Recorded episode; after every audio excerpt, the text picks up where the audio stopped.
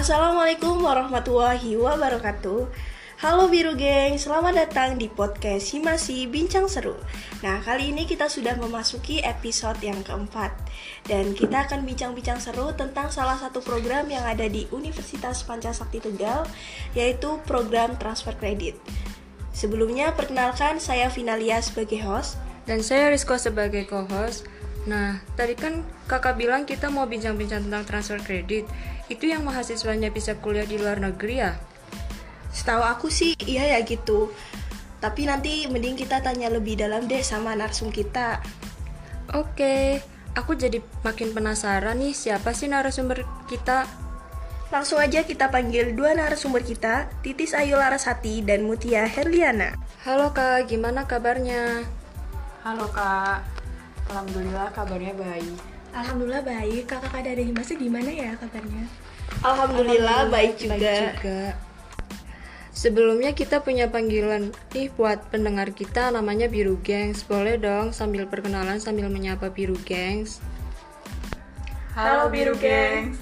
Kenalin nama aku Mutia Herliana, biasa dipanggil Mutia.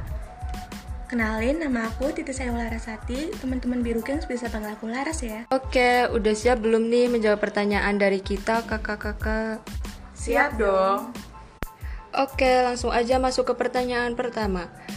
Apa sih transfer kredit itu menurut kalian? Jadi, transfer kredit itu program dari kampus kita. Kita itu sebagai mahasiswa UPS ya, dapat kesempatan buat ngikutin pro- program ini untuk kuliah di luar negeri. Mungkin kamu dia bisa nambahin ya kak buat detail transfer kreditnya. Jadi transfer kredit itu program transfer SKS. Jadi sebagian SKS kita ambil di Universitas Pancasakti dan sebagian lagi kita ambil di univ luar negeri itu. Oh, transfer kredit itu kayak pembagian SKS gitu ya, setengah-setengah, setengah di sini, setengah di luar. Terus apa aja sih yang harus kita siapin kalau kita mau mendaftar transfer kredit? Jadi untuk persyaratan ke universitas tujuan itu kan beda-beda ya. Nah kalau kita kan di Tarlac Agricultural University Filipina. Nah itu persyaratannya eh, ada beberapa. Contohnya kayak Contohnya ya, untuk minimal semester dari UPS sendiri itu mewajibkan minimal semester 3. Dan untuk IPK-nya sendiri yaitu 3. Nah, untuk syarat utama itu kok lebih ke mental ya. Kita kita harus nyiapin siap nggak nih nanti kalau kita diterima. Untuk persyaratan lengkapnya yang pertama jadi untuk persiapannya ini kan eh, untuk univ tujuan itu berbeda-beda. Nah, kita kan diterima di Tarlac Agricultural University Filipina.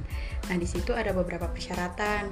Ya, paling penting sih kita harus persiapkan mental ya, karena kan ya kita ngikut kelas di sana eh, yang otomatis itu pakai bahasa luar negeri gitu kan, bahasa Inggris. Nah, terus yang kita persiapkan lagi tuh eh, salah satunya minimal IPK kita tuh harus tiga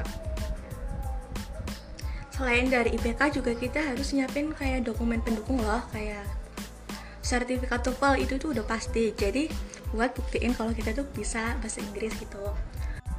Selanjutnya kita itu mengisi dokumen formulir yang sudah disiapkan oleh OSIA oh iya satu lagi ya kak. Syarat paling utama itu kita minimal semester 3 Nah, tadi Kak Laras dan Kak Mutia keterimanya di Tarlak ya, Kak?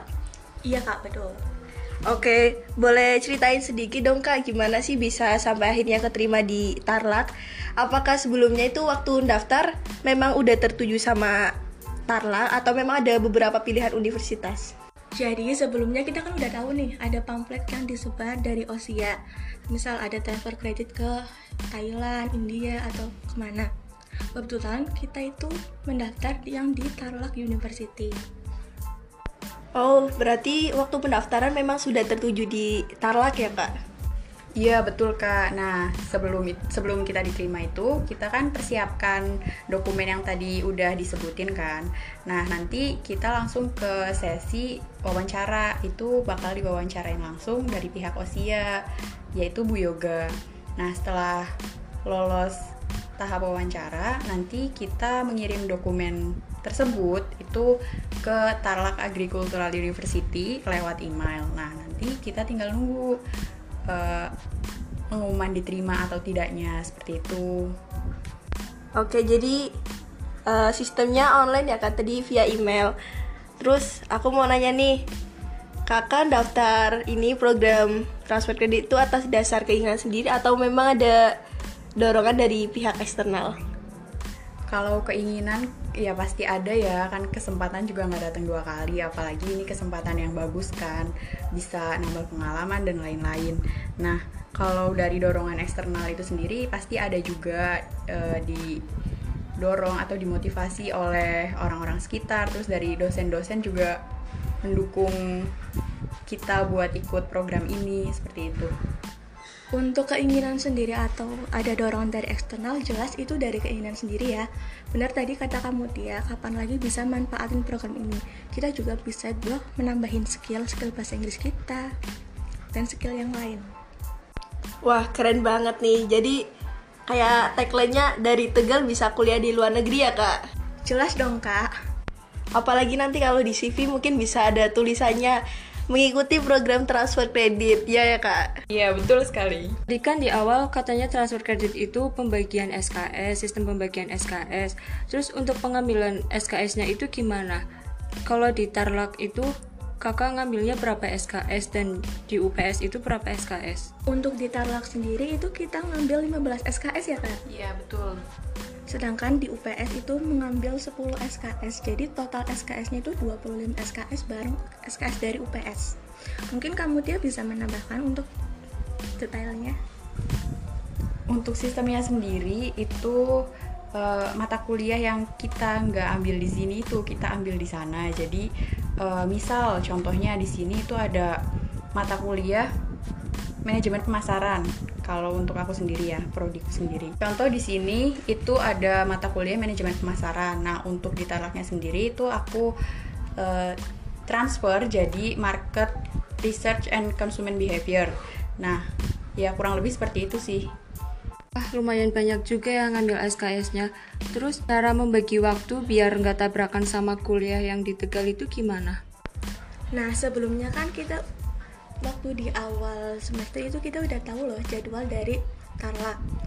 Jadi de dari UPS juga kita menyesuaikan saja. Misal dari Tarlak jam 8 itu ada MK. Kita juga dari UPS jam 8 ada MK.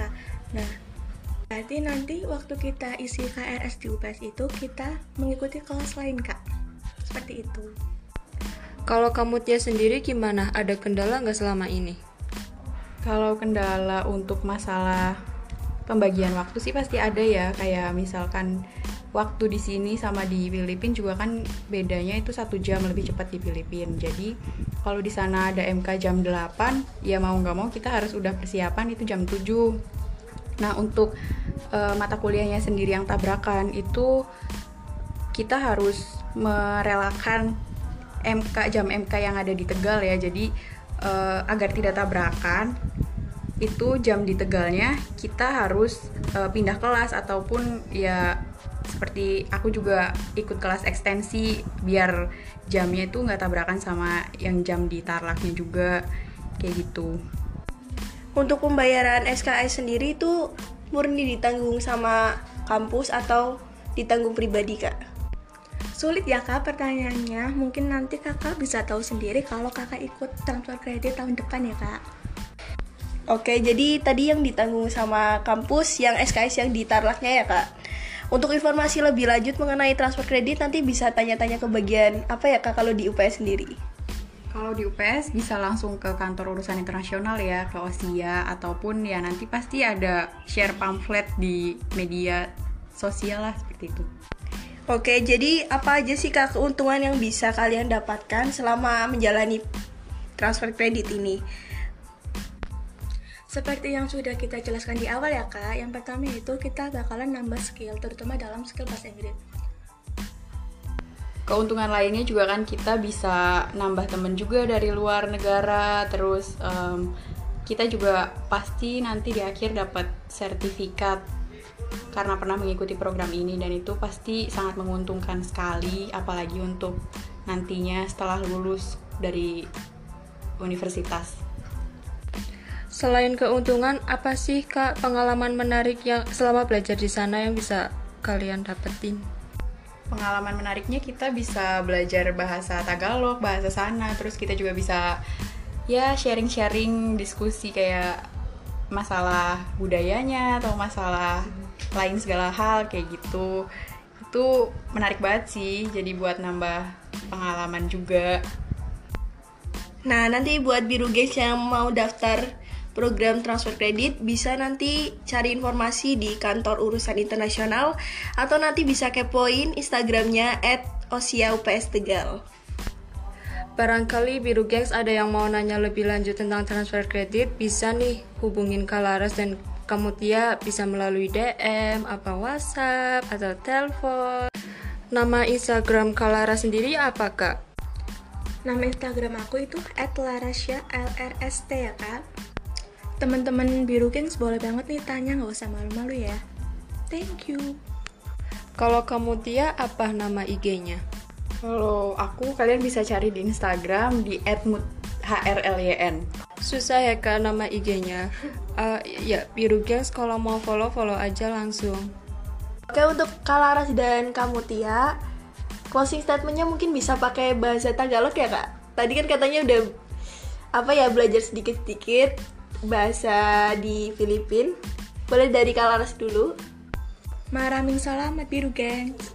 Samuling pangki kita. Nah, kalau boleh tahu itu artinya apa ya, Kak?